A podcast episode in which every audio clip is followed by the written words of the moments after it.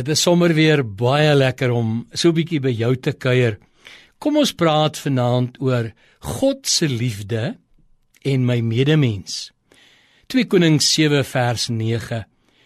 Toe sê hulle die een vir die ander: Ons doen nie reg nie. Hierdie dag is 'n dag van goeie boodskap. En ons bly stil.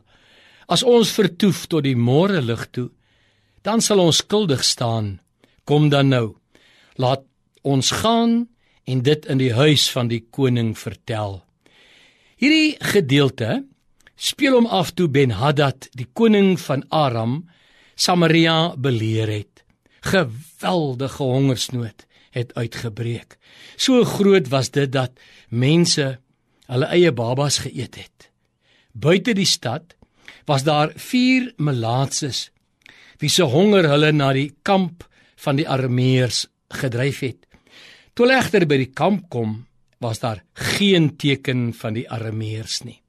Die Here het intussen die Arameërs verdryf.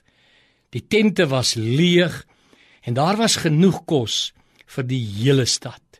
Dit is toe dat die malaatses vir mekaar sê: Ons doen sonde. Ons mag nie stil bly nie. Nou Markus 2 vers 31 sê Die tweede gebod is net so belangrik. Jy moet jou naaste lief hê soos jouself. Weet jy, jy leef miskien vir die Here. Jy weet dat die Here jou liefhet. Jy weet dat hy jou medemens ook liefhet. Jy weet dat hy kan help.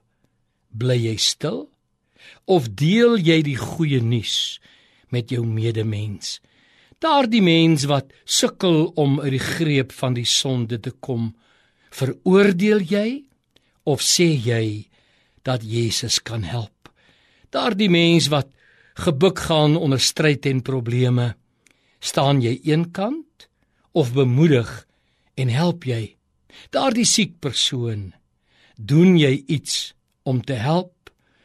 Moet jy nie ook God se liefde na jou medemens neem nie.